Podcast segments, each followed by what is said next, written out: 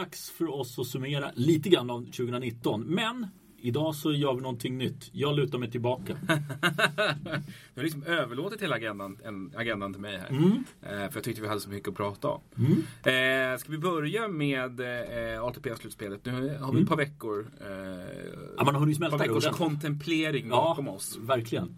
Eh, ja, vad ska man säga om det? det är, vi, vi får en, en ny vinnare. Jag tror inte att det blir någon Dimitrov-reaktion på Tsitsipas seger. Eh, otroligt starkt gjort. Eh, fira med att åka till Island. Ja. Han har odlat sin weirdness. Ja, eh, verkligen. aura. verkligen. Ja. Ja, men man får lite så här som Beck som körde jävligt hårt på det där. Men sen är man inte så konstig egentligen. Men det ser jävligt bra ut. Skit i det, det är tennis vi håller på med. Eh, lite överraskande så fick vi ingen Novak Djokovic vidare till semifinal. Nej, eh, och nog känns det som att eh, vi, vi pratade lite om den där armbågen och, och skadeproblemen som, som han själv tog upp efter US Open. Eh, och som han sen spelade igenom på ett alldeles föredömligt sätt fram till nu. Mm. Ehm, jag tycker att han kanske inte är så supertydligt hemma, hämmad. Eh, men han förlorar ändå två raka matcher och åker ur gruppspelet. Och det hör ju inte till vanligheterna. Jag vet inte när han, eh, när han åkte på två, två torsk i, i en och samma slutspel. Jag tror att det var det är åtta år sedan eller något sånt där. Ja men någonstans, där när det eh, ja, ja, minst åtta år sedan. jag tror att det kan vara 2000, nu har jag inte det framför mig, jag tror det var 2011 när han var sådär. När han var så tokbra första. Ja, och sen tog slut efter US Open. Just. Ehm, sam, så att eh, li, li, lite, li, lite Lite tråkigt var det att se honom att han, att han liksom inte kunde gasa hela vägen ut. Eh, men han var uppenbarligen störd av någonting. Dessutom upplevde jag att han i eh, förlusten mot Federer var uppenbart störd av publiken den här gången. Ja herregud, det, jag, jag tyckte inte det var snyggt. Det där, du må ha Federer som idol eller vad, vad nu är, vad det än nu är. Men det, det känns nästan respektlöst mot en Novak Djokovic som har gjort så jävla mycket tennismässigt. Eh, och inte få den respekten från publiken som jag tycker att de... För det kom en del fula grejer. Det är en sak att man hejar mer på. Det, det kan man liksom egentligen aldrig... Nu motsäger jag mig själv men du kan inte göra det. Men jag tycker att det var lite för mycket negativt mot Djokovic. Så ska jag uttrycka Jag tycker det också. Vi var inne på det här lite grann efter Wimbledon. Att, att han hamnar i, i en skurkroll som han inte har gjort sig förtjänt av. Inte, inte mitt citat. Men, men, men det, det är en väl välgjord sammanfattning av, av tennisspelaren Novak Djokovic. Eh, han vill så gärna bli omtyckt men det bär tennispubliken emot.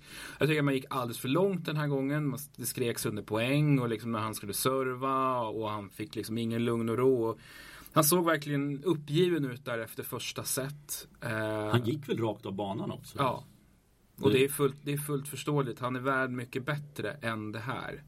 Eh, värd så otroligt mycket mer än, än att behöva ta det här. Han, han kommer att gå till historien som den främste tennisspelaren inom tiderna förmodligen. Mm. Eh, men han kommer inte bli ihågkommen som en sån. Eh, Och inte det- den största. Nej, och det är otroligt oförtjänt. Och återigen då, han, har haft oturen att födas in i eh, en era som eh, där han fått tampas med tidernas två största Mm. tennisspelare, Roger Federer och Rafael Nadal. Ja, men det blir, det inte lite så också? För då, då har du, du har haft, eh, nu har ju det pågått så länge, men det är ju lite så här inte den onde, den gode, den fule, men, men, men du har liksom den här tre, och någon måste vara den onde och det Mm. är Djokovic som är den.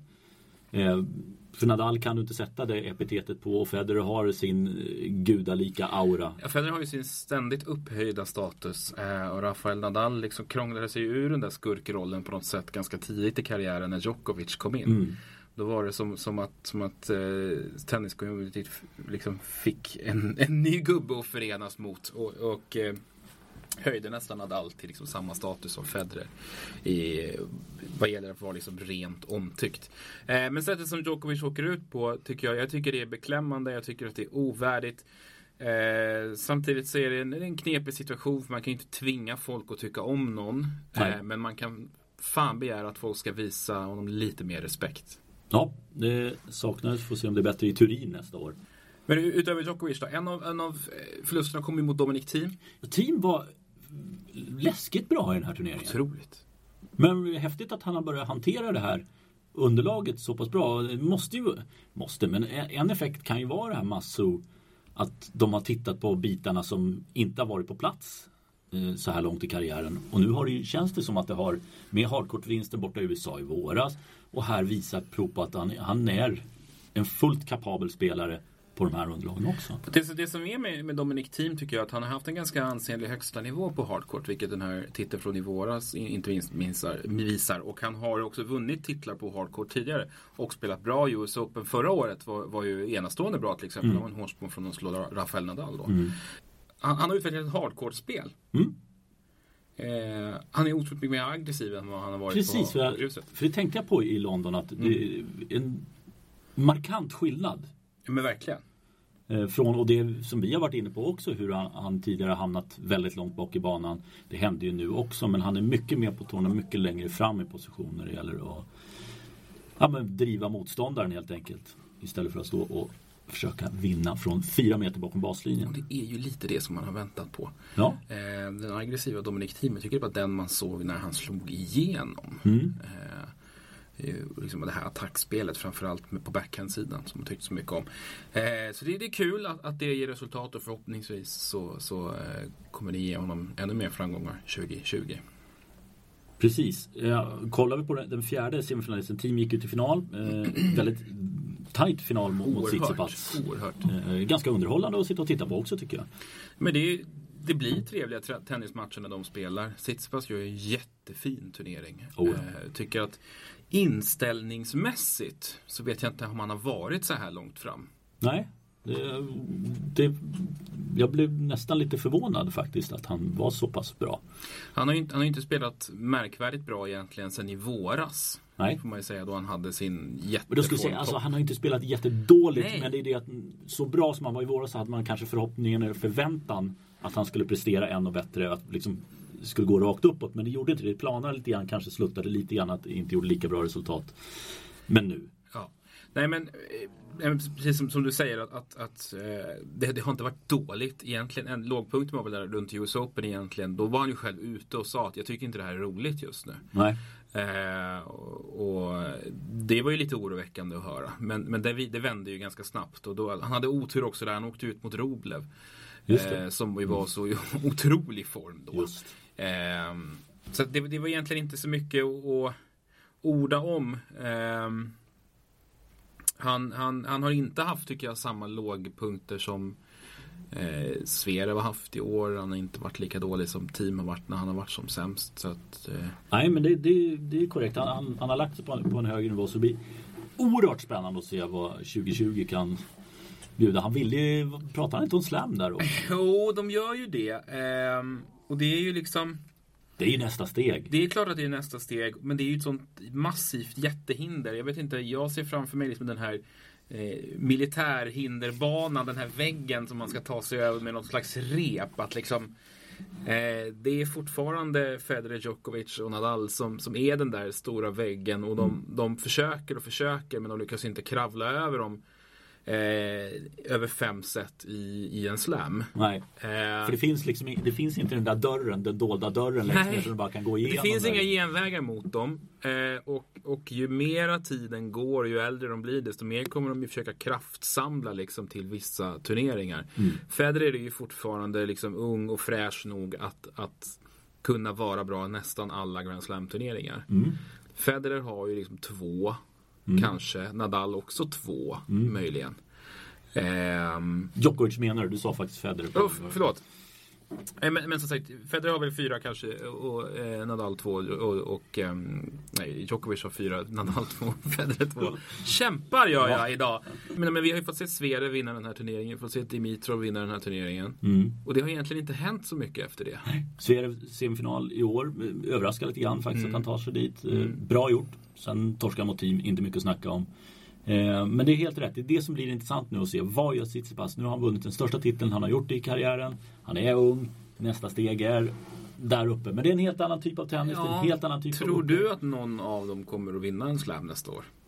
Nej, jag är tveksam. Såvida de tre håller ihop fysiskt så tror jag inte att någon av Nej, jag tror inte att Tsitsipas eller eh, Zverev kommer göra det. Jag har ju till och med stuckit ut hakan. Eh, Alex har frågat att Tsitsipas inte ska vinna någon slam så jag får väl vidhålla det. Ja, du måste, du måste Ja. hålla i det. Ja. Eh, Men nej, jag, jag tror att det kan bli tufft. Team är väl den som Ja, det är ju Ja, och grus. Medvedev. Medvedev. Men där, där är jag lite, jag vill se vad han gör de här första månaderna nästa år för att så att det inte var det här totala tokruschen och sen kan han inte bevara det. Nu tror jag att han kommer att etablera sig där uppe. Men jag vill se mer av honom, framförallt i inledningen. Alltså på, på lång sikt så kommer ju flera av de här att vinna. Så, Mm. så är det ju för att eh, den här topptrion kan ju inte hålla på hur länge som helst. Nej, det går faktiskt inte. Eh, men, men kontentan i, i liksom en framgång i ATP-slutspelet är att det är verkligen ingen garant för, för en Grand Slam-framgång. Nej. Framförallt inte om man tittar historiskt på vilka det är som faktiskt har vunnit utöver de eh, fyra stora. Som man, väl får, Ja. man får tillräkna Murray här också. Eh, Nalbandian har ju till Exakt. exempel vunnit. Och, eh, Davidenko, va? Davidenko ja. Eh, Davidenko var ju aldrig förbi en semifinal i en Grand Slam. Nej. Eh, även om han var nära. Och Fed, eh, Nalbandian var ju final i Wimbledon eh, 2006. Ja, vi säger väl det. Ja, tror jag det var. 2006, 2007. Eh, nej, 2007 var Nadal. Eh, men 2006 tror jag att det var mot, mot Federer eh, och, och eh, fick spö den gången. Åter då till året så, det, det sista som jag tycker vi ska ta upp där det är Rafael Nadal som det var väldigt tveksamt om han skulle ställa upp ens. Eh, kommer dit och så tar han väl eh, Ja det, det, var, det var ingen bra start. Och det gjorde ju att det inte gick så bra sen. Det känns ju som att han kommer in lite ringrostig egentligen. Mm. Eh, och eh, att Zverev skulle vinna med så tydliga siffror var väl egentligen ingen som trodde. Nej, jag vet inte riktigt hur. Det, det var väldigt oväntat. Sen vinner ju förvisso Nadal de två följande matcherna.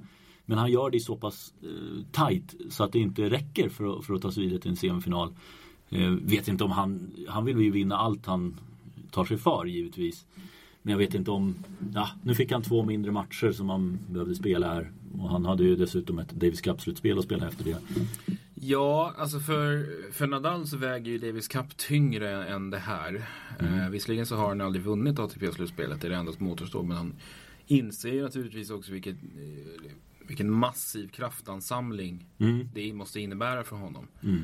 Eh, chanserna är ju visserligen inte slut, men, men det är ju kanske det är uppenbart att det är den tuffaste turneringen för Nadal att vinna. Ja, men det. Du har ju fyra, och det är klart att det är. Det är ju, du ska ju vinna ja, säg minst fyra stycken matcher mot topp 10 motstånd eller Ja. topp 8 motstånd. Det är klart att bara en sån match är en hyfsad kraftansamling. Gör det två gånger, mm, sen är det tre, fyra gånger. Det är mycket och det, är, det krävs en hel del. Nu säger jag att han är ju ett fysiskt monster. Men så pass sent på säsongen också. För jag tror att det är väldigt svårt också att hålla upp den här mentala skärpan. Att orka. Alltså hans planering har ju alltid sett ut så att han ska ju pika mellan eh, april och september. Eh, han- det är ju sällan som han är i sin absoluta form precis i början på året och det är absolut ännu mer sällsynt att han är i någon vidare form efter US Open.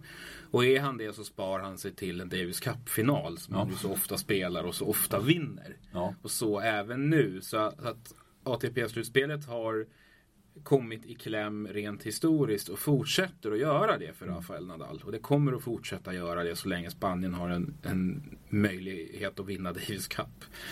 Ja men faktiskt, så är det ju. Eh, Tsitsipas, fantastiskt. Verkligen. Turin nästa år som slutspelsort. Mm. Tveksamt känner jag. Det känns, jag tycker London-matchen har, alltså arrangör, arrangörsmässigt så har det ju varit jättefint. Ja, ja men det är... Stor inramning, mycket känt folk på plats och, och liksom mycket folk överlag. Och det känns som det har sålts bra med biljetter, blivit bra tryck. Man har skapat en identitet där. Mm. Alltså den har ju Varenda inomhusturnering har ju liksom modellerat hela sitt utseende efter ATP-slutspelet. Det måste ju ändå vara värt någonting. Ja, nu vet vi inte vad, vad italienarna tänker hitta på där i Turin. Men det, det har inte riktigt, för mig i alla fall, samma aura. Ska ge dem chansen, men jag tycker det är faktiskt det är lite konstigt att placera i Turin. För Turin är inte en världsstad. Eh, sen att man kanske vill ha den i Europa, visst, då är, är det kanske inte så många och du måste ha någon som ja, som det passar. Där man vet att man kan få mycket folk och uppenbarligen så måste man ha blivit lovade någonting Mm. efter man väljer Turin. Alltså, man får väl nästan gå efter uteslutningsmetoden där på något sätt. Alltså, I Frankrike är det omöjligt för att det ligger så nära Paris eh, Masters. Eh, Spanien har ju liksom sin Davis Cup-anknytning som, som eh, Piqué håller på och jobbar så hårt med. Vi kommer till det. Ehm, och, och sen vet man liksom inte vad som återstår. Alltså då, är, då är det liksom Ja, det är Tyskland. Ja det är Tyskland möjligtvis men det är frågan om, om liksom intresset finns där. Eh, Nej, det och var man ska lägga det i så fall. Eh, för, för att det liksom ska, ska mässhallen vid. Frankfurts flygplats. Ja, Ja, men det, det, det, nej, men det är ju det. Du ska ju ha arena för det. Och det är det som O2 har varit så varit otroligt, bra. Ja, verkligen. Eh, så jag tror att liksom, det, jag tror det måste nästan ha varit det uteslutningsmetoden där på något sätt. Men jag tycker det är tråkigt för att jag det känns verkligen som att slutspelet hittade hem i London. Ja, Efter att ha flackat runt med Kina och, och USA och Ja. allt möjligt. Och, och det, det, det kändes inte som, som att den hade någon självklar plats. Liksom, var, varken hos spelarna eller hos publiken förrän den landade i London. nej. De, de, de har paketerat det otroligt bra. Verkligen. Så all heder. Tack London. Mm, stort tack. Var ska vi nu? Eh, vi går vidare med Davis Cup. Ja, denna... Ja, vad ska man säga? Man klippte ner det, man klippte ner det vid liksom roten. Mm. Och sen har det växt ett skott lite snett upp. För det är inte samma typ av träd som byggs upp här. Eh, jag har, varit, har inte varit speciellt imponerad av det inför. Men du har inte velat liksom trycka på stora, trycka igång stora sågen? Nej, det vill jag inte göra. Inte nu Eh, heller? Nej, faktiskt. Jag, det finns element i det här som jag kan tycka ändå är positivt för, istället för att bara tvärsåga det. Sen att man har eh, programmässigt varit helt horribelt dumt emellanåt. Eh, så tycker jag att formen blir också i och med att det går snabbare. Matcherna avgörs snabbare på en dag eller på ett pass. Helt enkelt tycker jag är en bra grej. Att man kortar ner det till tre set. Ja, ja det får man väl köpa i dagens, eh, dagens tv-värld eh, och publikvärld. Sen som sagt eh, matchstarterna sådär. Man har ju sett också. att Du får, du får ju inte heller den känslan av en- en hemmamatch i, eller spela en match i Buenos Aires där det är fullkomligt galet på läktarplats. Det blir ju inte det när du spelar i en och samma arena dessutom på, med, med två olika banor och ett dagspass klockan 11 en tisdag i, i november. Nej men sorry men det har ju kommit en del bilder som har varit helt eh, soprent på läktaren. Ja, och Gerard Piqué har ju gjort vad han kan för att försöka kväsa dem. Eh, han är liksom i, i, liksom i egen hög person gått i polemik med Filippo Wulf Twitter-användare. tror jag det var Ja. Och, och det, det, han gör ju sig själv en, en enorm otjänst Ja. med att ens ge sig in i den typen av argumentation. Eh, och så här är det tyvärr att tennis en tisdag i november, oavsett nästan vilken tennis det är, Mm. är inte så jävla sexigt. Eh, det spelar nästan ingen roll eh, vilka det är som spelar. Du drar egentligen inte fulla hus. Nej, nej jag, jag Alltså tror det är ATP-slutspelet Exakt. möjligen. Så det, där är väl möjligheten för Piqué. Flytta Davis Cup till O2 Arena. Mm. Där har du det. Får det till London. Madrid lockar inte tillräckligt. Vad är sagt inför nästa år? De, jag tror de spelar i, i Madrid ett år till. Mm. Sen vet jag inte om det, om det är tänkt att det ska ambulera runt och, och flytta till andra världsdelar eller någonting sånt. Kan det vara. Eh, Rakuten har väl säkert någonting att säga till om. Mm. Eh, men eh, åter till, till tennisen där. Det var någon tweet, tweet som kom ut också när, när, när de skulle försvara någonting. Och, och det kändes jäkligt eh, konstigt försvar. Att det var att de hade spelat, ja, USA-intervju klockan fem på morgonen efter segern. Den, senaste, den näst senaste matchen, eh, slutet någonsin i historien. I, Ja. Och det är liksom, då skriver Då ge- då Sven ge- Grönefeld, sk- tränaren, skrev är det något som man ska vara stolt över? Ja, det visar ju bara på en, en total felaktighet i, i hur man har lagt det. Ja, och, och detta trots att man då alltså har kortat av eh, Davis Cup-formatet eh, och gått ner till tre set. Ehm, jag vet inte, man kanske borde haft fler, flera olika spelorter. Tänk lite hockey-VM. Ja, Eh. möjligen det. Sen undrar jag också, är det, är det kanske några för många lag? Att det är lite för stort? Sen så, sen så har du ju problematiken också att gruppspel Mm. och tennis är ingen superkombination Nej. överlag alltså. Nej, nej, jag har ju för propagerat för Ja. Men, men, nej, men jag, jag, jag, fattar vad, jag, fattar, jag fattar vad du säger. Ja. Matcher som riskerar att sakna betydelse är ju liksom döden för tennis. Eh, Och det är det man har försökt eliminera med, med att också en del att gå ner till, till tre matcher och spela på en dag. Så Jo, man- alltså, och, och det, det är egentligen inte det jag opponerar mig emot. Och, och jag fattar att det liksom är liksom teething problems, alltså ett första år. Eh, att, att, det fin- att det kommer att finnas grejer att jobba på. Men det är liksom...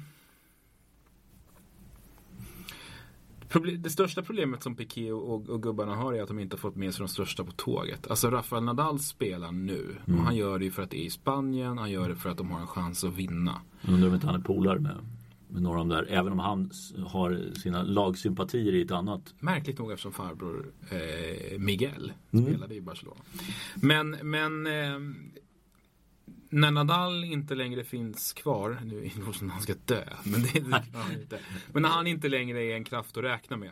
Eh, det är ju kanske ett par år bort, det har vi ju sagt i Ja. tio år. Ja, ja. Men, men, men, Ja, men han, det, kroppen kommer inte orka. men säg, om, säg om två år då. Näst, Nästa år, om de spelar i Madrid igen, så kommer Nadal vara där. Om han är frisk. Men flyttar de det? Flyttar de det, säg, säg att de kanske måste flytta det till Sydamerika. Ja. Mm. Säg att de kanske måste flytta det till Asien eller till arabvärlden. Skulle inte förvåna mig ett jävla dugg om vi, sitter i Dubai här om två Mm. år. Det känns liksom Barcelona, Piqué, Messi. Mm. Ja, nej, jag skulle inte bli ett dugg förvånad. Kommer Nadal dyka upp då? Nej. Högst jäkla tveksamt. Och du har den nästa generationens kanske stö- ja, en av de största förgrundsfigurerna, Alexander Zverev, Mm. som säger jag tror inte på det här. Jag tycker det här är en dålig idé. Mm. Jag tänker inte ställa upp på det här formatet för jag tycker att det urholkar det som Davis Cup står för. Han är ju inte ensam om den åsikten. Nej, det är han inte. Eh, och det är någonstans där det största, liksom hela, hela problematiken ligger. För jag tycker det lyser igenom i hela projektet att alla är inte med på tåget. Alltså alla, alla ställde, ställde inte upp och spelade Davis Cup i sin förra form heller. Men man Nej. hade någonstans en respekt för turneringen, en respekt för liksom allt den stod för. Mm. Nu är det ju bara namnet kvar. Ja, det, det är det ju. Och, det, och där är också en grej som är lite Ja, man är på tassar, tassar på lite liksom bräcklig grund här tycker jag. Sen som sagt fattar jag att ITF vill göra någonting, ville göra någonting med det för jag tror de var oroliga. De styrande där att, att det skulle kunna spåra ur helt. Men risken är att du gör det med det här också. Att snart finns inte Davis Cup kvar. Jag tror att någonting kommer att hända inom en, kanske inte imorgon men i övermorgon och lite efter där några år framåt så tror jag att vi kommer få se någonting som vi kommer prata om alldeles strax tror jag. Att det kommer hända någonting. Ja, för att eh, om vi bara ska, så ska kort avrunda Ja. Davis Cup. Alltså, jag tycker avslutningen, men det, det de får med sig är ju ändå en värdig avslutning i det att Rafael Nadal eh, står och gråter efter sin, vad är det, åttonde eller vad fan blev Ja, det? jag vet inte. Eh, Davis Cup-titel eh, och Roberto Bautista Agut Ja, avbryter eh, turneringen för att åka hem. Tar farväl av sin döende pappa, kommer tillbaka och vinner. mm. Nej, det är ju så vackert som man blir ju tårögd själv. Ja, är det. och, och, och det eh, är ju liksom den typen av moment som en arrangör bara kan drömma om egentligen. nu ska vi säga utifrån det perspektivet. Mänskligt så det, det är helt otroligt. Alla hade ju sagt du ska inte komma tillbaka hit. Nej. Men han höll hårt på att "Nej, men min pappa hade velat att jag var här. Jag är här nu. Och det var oerhört snyggt när han åkte iväg. Mm. När de ställde upp inför matchen så ställde de ju upp med en tom plats. Mm. För Bautista Agut som var, var kvar liksom i, mitt i. De ställde ju upp längs mittservlinjen. Mm. Innan första, eller när de inleder Mm. matcherna. Ehm, Nej, det, det var otroligt vackert. Jag tycker det är jättekul. Eh, Ja, man undrar honom det. Vi tycker om Roberto Bautista Agut. Ja, Han som ju en genuin person. Och, och eh, vi har fortfarande inte hittat någon som sagt ett ont ord om honom. Nej, nej men i Han verkar så jävla snäll och Ja. duktig. Och, och ganska tråkig. Skittrist, men, men det här var otroligt fint. Ja. Eh, och det är bara att beklaga att det blev som det blev. Eh, men att ändå lyckas hitta glädje i den här sorgen är ju fantastiskt fint också. Ja, det är det. Så det ska Davis Cup ha, ha, ha, får de ta med sig. Det var en fantastiskt fin avslutning. Det var. Ja, eh, vi kan ju faktiskt dra upp en till där som blev rekordhållare i och med att han förlorade en Davis Cup-match på grund av att Bautista Agut var, var frånvarande. Då. Feliciano Lopez är nu den spelare som har förlorat flest matcher på touren. Mm. Eller på, som spelare ska sägas, för det här räknas in på något konstigt sätt också. Eh, så jag ska inte säga att det är ATP-matcher, är det inte. Men eh, nu, nu slog han ju, Santoro var ju den, han delade det här 444 matcher som de har förlorat. 445 matcher, det är fan helt otroligt. Eh, andra sköna namn på den där listan. Eh, Jusjny, Mm. trea. Verdasco fyra. Ja, Verdasco kommer gå om Jusjny nästa år för de är 416 torsk båda två. John Alexander, den gamle australiensaren. Eh, jag tror han var uppe i topp 10. Eh, sent 70-tal, början på 80-talet. Andreas Seppi. Tre Ja. matcher från 400 förluster. Så det kommer ju inträffa nästa år. Ja, absolut. Ferrer hade 377 förluster. Mm. Han hade några vinster också. Hade några vinster också, men det förvånar faktiskt mig att hans namn dök upp. Ja, han hade ju ändå ett antal år där för han Han spelar ju så jävla mycket. Han spelade så otroligt mycket. Eh, han ha- hade väl till och med något år då han vann flest matcher på touren. ja, det kan stämma. överhuvudtaget. Och undrar flest titlar också. Ja, jag tror det. Han stod med så här 7, 8, 9 eller någonting. Det är helt otroligt egentligen. Eh, Och sen så plockar vi in de två sista. En till som är aktiv, Philip Kohlschreiber. Mm. Som jag tror fortsätter nästa år. Han kommer då gå om Ferrer. Han har 367 förluster. Och längst ner på den här listan då, topp 9 som det är, Jonas Björkman. 362 torsk. Eh, nu går vi vidare va? Eh, till eh, Något som inte har hänt. något som inte har hänt, men som är bland det första att hända nästa år. Vi liksom flyttar oss framåt, men när vi ändå är inne på lagkupper Ja. Eh, så måste vi prata om ATP Cup. Vi har liksom tigit oss igenom eh, hela den processen egentligen. Det känns lite som att det är lite, lite så tennisvärlden jobbar i, i, stort gentemot ATP Cup. Man har liksom inte velat ta i det riktigt. För att det är ingen som vill erkänna att det ens är, finns. Nej, och, och jävla märkligt. Det är prispengar och det är poäng. Mm. Och det är spelat på tre orter där vi lite där sprida ut det över hela Australien. Mm. Ehm, det är de topp, eh, de länder med en högst rankade spelare fick en plats som 18. Ja, och det är där vi har den absolut största problematiken. Man har alltså, eh, de länder som har kvalat in har gjort det tack vare den högst rankade singelspelaren. Mm. Eh, och eh, då har man alltså gått ifrån, man har gått, gått rakt upp och ner ifrån ja, högst rankade singelspelare för respektive land. Eh, är, det- är det som, där dras kvalgränsen. Ja. Ehm, och det är någonstans här som jag tycker att det blir väldigt problematiskt. Men bortse från det faktum att ATP Cup i grund och botten är en överflödig turnering. Ja. Eh, Eftersom den är sist in, liksom efter Davis Cup och efter Laver Cup. Mm. Ehm, den och efter Next Gen också ska vi säga. ja. Och efter ATP-slutspelet. Eh, som, som är liksom särskiljer sig från touren i övrigt. Men ehm, det, det, det är via den här ra- rankinggränsen, alltså inträdesdragningen. Det är där det blir problematiskt. ja. För att Första problematiken. första problematiken, eh, eller den största problematiken skulle jag säga att det här är. Ehm, det innebär ju till exempel eftersom att tennisen är, är så eh, mångfaldsrik nu eh, vad gäller olika nationaliteter. Så innebär detta att med de här rankingreglerna så kommer det in en del nationer som inte riktigt har på den här scenen att göra. Vissa enskilda spelare Exakt. i Norges fall till exempel Kasper Rud. Mm. I Moldavien. Moldaviens fall till exempel Rado Albot. I Uruguays eh, fall. Ja, det är Cuevas det. Ja, Pablo Cuevas. Grekland. Grekland, Stefanos Tsitsipas. Och det är ju som sagt här det börjar bli problematiskt. För de stora vinnarna i, i det här formatet är de som kommer att spela andra singeln. Och eventuellt dubbel.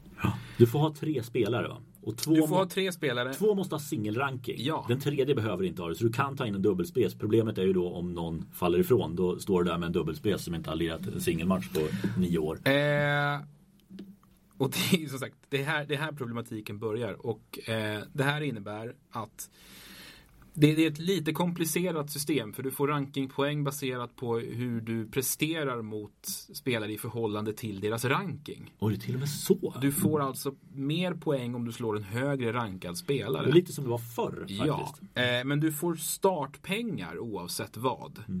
Så att det här innebär att det finns en hel drös med spelare rankade liksom mellan 300 och döden. eh, som kommer att, att få världens chans här nu att ta ett jätteskutt uppåt. För att Viktor minst- Durasovic Viktor Durasovic är, är liksom inte ens det största problemet här. Det största problemet är greken Michail Pervolarakis. Han heter så. Eh, Greklands andra gubbe. Eh, Georgien, Alexander Metreveli. 676 på världscupen. Triveli. Mm. Det är namnet. Det fanns en gammal spelare från eh, Sovjetunionen tror jag på 70-talet. Ja. Mm. Kan finnas någon. eh, Eh, Bulgaren Dimitar Kuzmanov. 417. Ja, det- alltså Bulgariens det- näst högst rankade singelspelare efter Grigor Dimitrov. Och sen Alexander Kosbinev. Ska vi gå och kolla på 828. Durasovic Kuzbinev här i eftermiddag Ja, Henrik? göra Nej, det kittlar inte så jävla mycket. 828. Och saken är att, att det minsta du kan få för en seger. Om de, någon av de här eh, fin- möjligheten finns att de här kan möta varandra. Alltså, Ja, det, sannolikheten är ju ganska stor. Ganska stor. De får då 15 ATP-poäng. Det är mer, Det är mer än en future-titel. Är det mer än future-titel? Ja. Det är 12 på den. Ja, jag tror att det är det. Eh, och det, det är ju helt skevt. Det är jätteskevt. Det logiska här hade ju varit att se till att de två högst rankade spelarna Mm. vägdes in i den här bedömningen. Det hade ju kunnat möjliggöra att länder som till exempel Portugal, Mm. eh, Sydkorea, Mm. Kazakstan med alla deras Davis Cup-framgångar Mm. eh, och Sverige inte minst Mm. hade, hade kunnat komma in. Eh, men nu sitter vi här med en, en drös oerhört framtunga nationer som ställer upp med en bra tennisspelare. Ja. Det är Grekland, det är Bulgarien eh, och det är Uruguay. Det är Norge. Norge. Det är Georgien. Georgien. Bland annat. Eh, och det här, är, det här är problematiskt för det urholkar hela turneringens status. Och det är, en, det är orättvist för att tennisen har redan ett problem i det att man har fördelar bara genom sin nationalitet. Eh, är du amerikan eller är du italienare så har du oändligt mycket mer möjligheter att spela stora turneringar trots dålig ranking eh, än vad du till exempel har som svensk eller norrman eller finländare. För, att, för att inte tala om liksom, om du kommer från ett afrikanskt land. Nej, herregud. Eh, eller från, från, från en, forn Sovjetrepublik. Ehm, bara där har du ju liksom en, en eh, ja, orättvishetsfaktor. Ja, Som är ganska talande för tennisen. Och det här är ju liksom det upphöjt i hur mycket som helst. Senast i raden och kritiserade Riley Opelka tog ju fram storsågen och, och var väldigt kritisk mot det här som, som han skrev trea. Jag är tredje bästa amerikan. Jag får ingen plats och vi pratar om att det är topptungt. Och det här kommer bara förstärka det här. Och Dimitra, Dimitar Kuzmanov, jag vet att han har slitit på Future Touren här ett antal år. Men, men han, han har alltså möjlighet att, att tjäna eh, han har typ möjlighet att matcha sina career earnings Ja. på att lira ett par singelmatcher. ja. Behöver inte ens vinna. Nej, det, är, det är kul för honom. Kan han finansiera ett år till? Men det är en väldigt... Jag, jag tror inte de har tänkt hela vägen här utan det...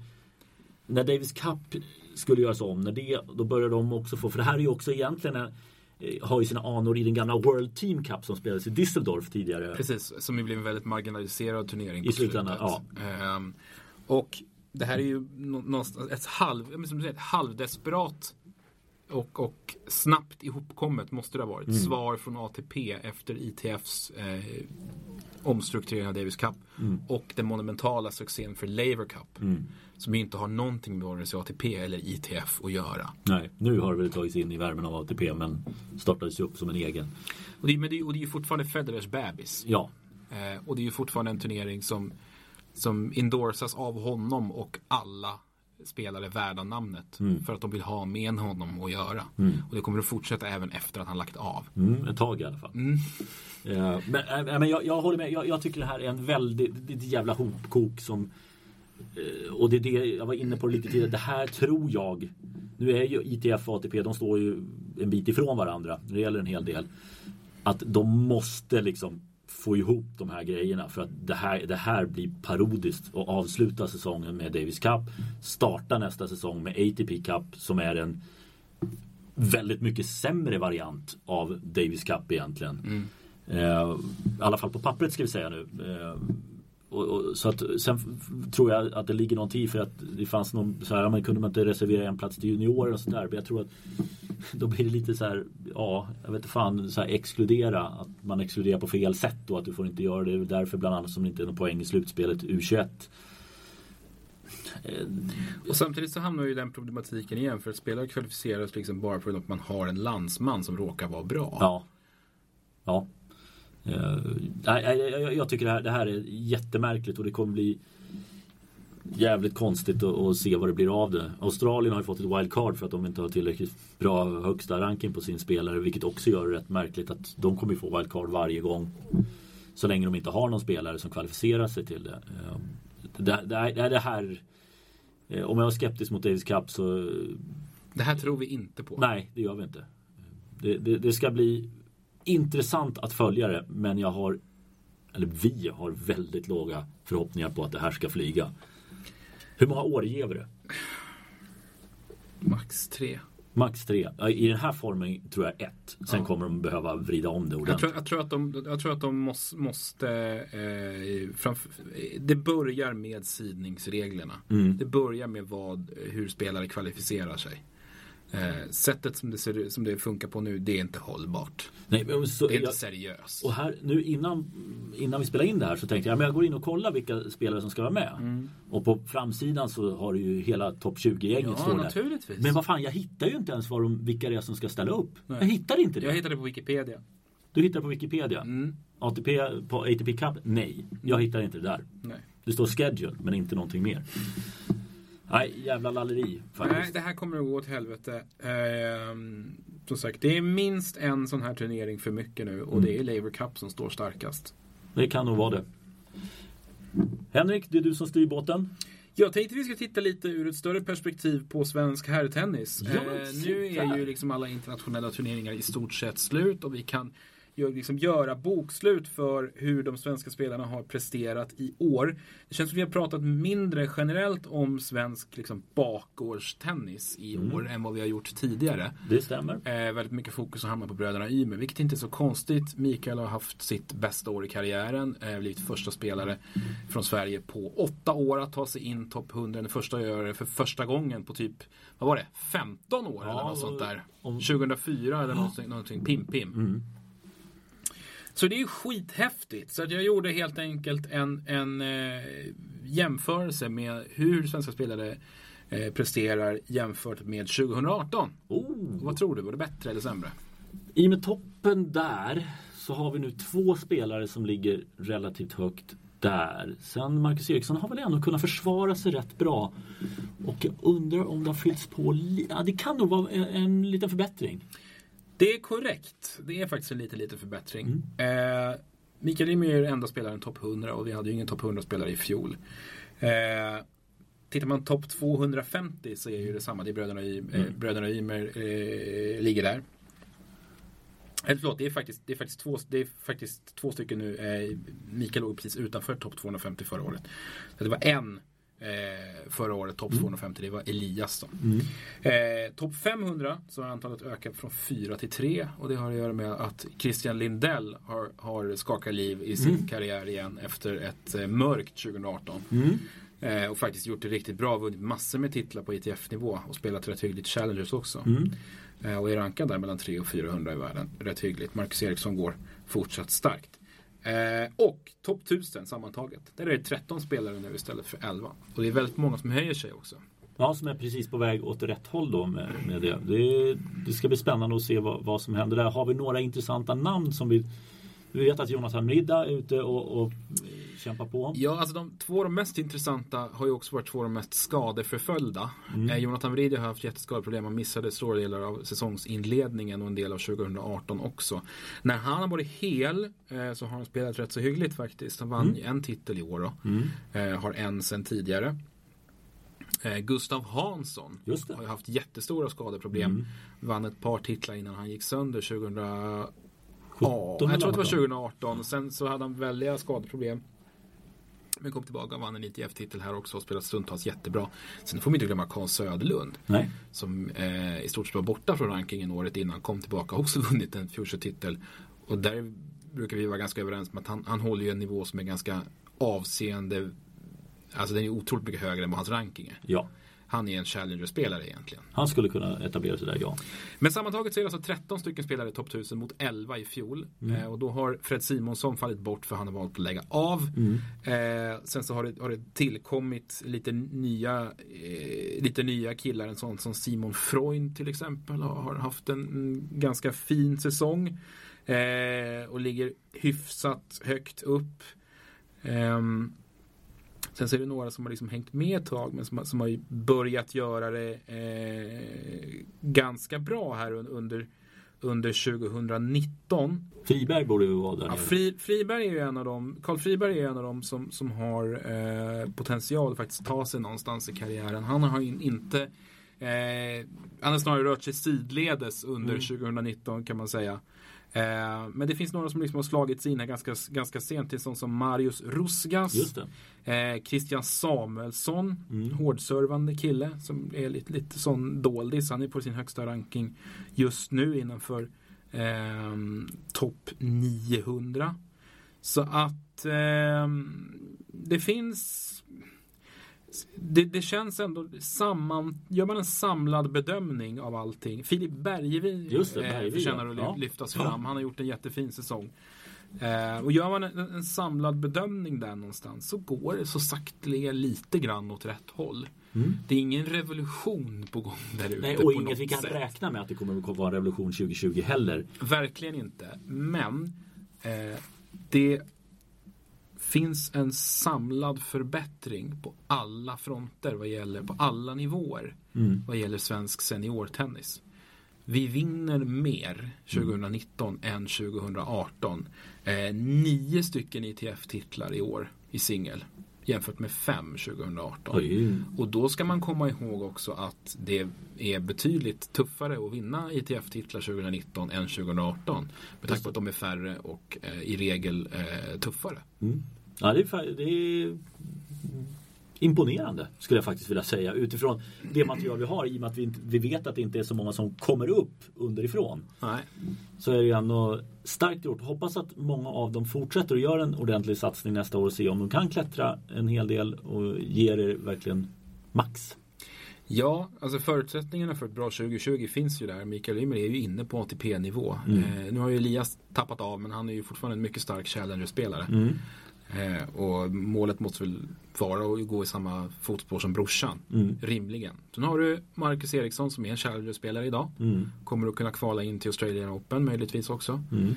Eh, Christian Lindell finns också på Challenger-nivå. Och sen så har du några spelare där. Typ Jonathan Meridja. Han, han, han är där och nosar. Mm. Jag hoppas han får hålla sig hel här nu och, och spela. Han skulle spela åka ner till Mellanöstern och, eller till Gulfländerna och spela här nu var planen i alla fall i Mm. slutet av året.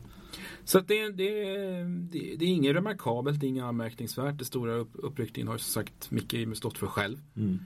Eh, fyra Challenger-titlar bara i år. Det är imponerande. Men han får väl ett samtal om tennispriset som årets svenska herrspelare. Det är svårt att ge det till någon annan. Eller hur? Mm. Eh, hörru, innan vi rundar det här då. Så måste vi ta ett namn då. Vi hittar nio stycken spelare som eh, stänger ner karriären. Mm. Nu ska jag hosta. Thomas Berdych. Mm. Ska man säga en, en mening om varje spelare här då? eh, om, om Thomas Berdych. Nej men hm kläderna va? Ja, jag tänkte, jag var inne på kläder och, kläderna och eh, Nadal-breaket i Madrid. Mm. Eh, Ferrer. Den, den fantastiska eh, attityden. Rakt igenom. Den lilla Duracell-kaninen. Victor Estrella Burgos. Finns bara ett ord. Kito. Eh, Radek Stepanek. Eh, det är nästan kläder jag tänker där på igen. Nej, men det, det är väl liksom det, nej, man, kan inte, man kan inte sammanfatta Stepanek i en mening. Det är liksom de, de hemska kläderna, det är kvinnoaffärerna, det är liksom den här utdaterade men underbara spelstilen. Davis Cup-hjälte. Ja, det är så mycket med Radek Stepanek. Fan vad jag älskar honom. Eh, hade varit jävligt fint men det kommer ju fem namn till. Max Mirny. The Beast from the East. Ja, i Björkmans gamla dubbelpartner. Ja. De, jag. de var ju namngivna som eh, Just det, grupp, fick, gruppnamnen. så var det ja. Så var det ja. Eh, men nej, det härlig, en härlig doldis på något sätt. Han har inte spelat singel på väldigt länge, men han var rätt hygglig. ja, det var han. Han, absolut. Eh, sen kommer ett namn som jag trodde hade slutat redan men han gjorde nog någon, minicomeback. Marcin Matkowski. Polske dubbelspelaren. Eh, spelade var ju bra med Fürstenberg ett tag. Jag tror Fürstenberg Ja. har lagt ner. Ja, Eh. han lirade väl även med Kubot lite va? Mm. Stor dubbelnation, Polen. Nicolas Almagro. Ja, lilla Västland. Mm. Så han var, han var ju med här i, nu är jag jättedålig på att säga, säga en mening, lilla Västland borde vara det, men jag måste säga mer att han såg ut att ha njutit av det goda livet eh, e- efter att han la, la ner karriären. Har det gått så fort? Ja, det tyckte jag. Eh, han var ju en av de som ställde upp där i ATP-slutspelet och tackades av då kollektivt. Snyggt gjort av ATP ska sägas. Ja, absolut. Ja, det är, han, han, hade, han hade inte rört på sig i onödan. Jag ska inte säga någonting själv, men, men, eh, men så var det. Eh, eh, ett svin eh, på banan. Ja. Eh, Men jag, han var, hade han haft skalle så hade han varit ännu bättre för han var faktiskt väldigt bra. Han hade svårt mot bättre motstånd. Spelet i förhållande till hans storlek Mm. eh, enastående bra. Mm. Eh, som, som du säger, med lite huvud så hade det kunnat bli otroligt jävla bra det där. För det var ett massivt spel han hade i sig när det stämde. Mikael Jusjny, apropå huvud. Ja, det, är, det är ju när han slog sig i huvudet som man kommer ihåg. Det är det man minns mest. Men också, eh, vi, vi framhöll ju honom här eh, när vi pratade om spelare som, som inte hade vunnit eh, Grand Slam-titlar. Mm. Eh, om vilket sjukt eh, facit han har, karriärsfacit han har. Att han har varit, var det varit framme i semifinal i, i tre av fyra slams va? Ja, det var något sånt. Ja, det Eh, var, och kvartsfinal i alla. Eh, vunnit en otrolig mängd matcher och titlar och Davis Cup. Och, och, eh, han har, Karl har ju vunnit typ allt. mm. Ja, och, och jag har verkligen tyckt om att kommentera honom och titta på honom. Faktiskt. Eh, och ja, men det kan vara li, lite saknad. Verkligen, det kan jag hålla med om. Sist ut är en som eh, saknar i alla fall bolltrollaren från Cypern, Marcos Bagdatis. Ja, eh, det var väl kanske inga jättehärliga år på slutet där för Bagdatis. Nej, det, det Eh, blixtrade till ibland. Man jo, det såg hur det. mycket känsla den killen innehade. Sorgligt nog så blev det ju en spelstil som blev daterad ganska fort. Han pikade ju tidigt, Mm. eh, redan som 21-22-åring. Mm. Ehm, men, men han var ju en av de här som föll offer liksom för när, när tennisen tog sådana massiva kliv efter, för, efter att först Federer slagit igenom och sen Nadal, Djokovic och Murray. Och då var det så uppenbart att han inte hängde med och att den era som han representerade liksom ha- hade skördat jättestora framgångar i början på 00-talet. Men, men nu hade liksom ingenting att sätta emot. Eh, Så till som du säger, det var, det var bra och kul och, det var kul att se Mar- Marcos Bagdatis. eh, Och man blir glad när han spelar bra. Episka racketflisningen i Australian Open. Ja, det, det går ju inte att komma förbi det Nej. på något sätt. Och då har han ändå varit i Australien och gjort haft enorma framgångar tidigare. Men just den här racketflisningarna, det, det, det går inte av för hacker. Ingen kan göra om det. Ska vi stänga butiken? Vi gör väl det. Eh, tack för idag. Tack för idag.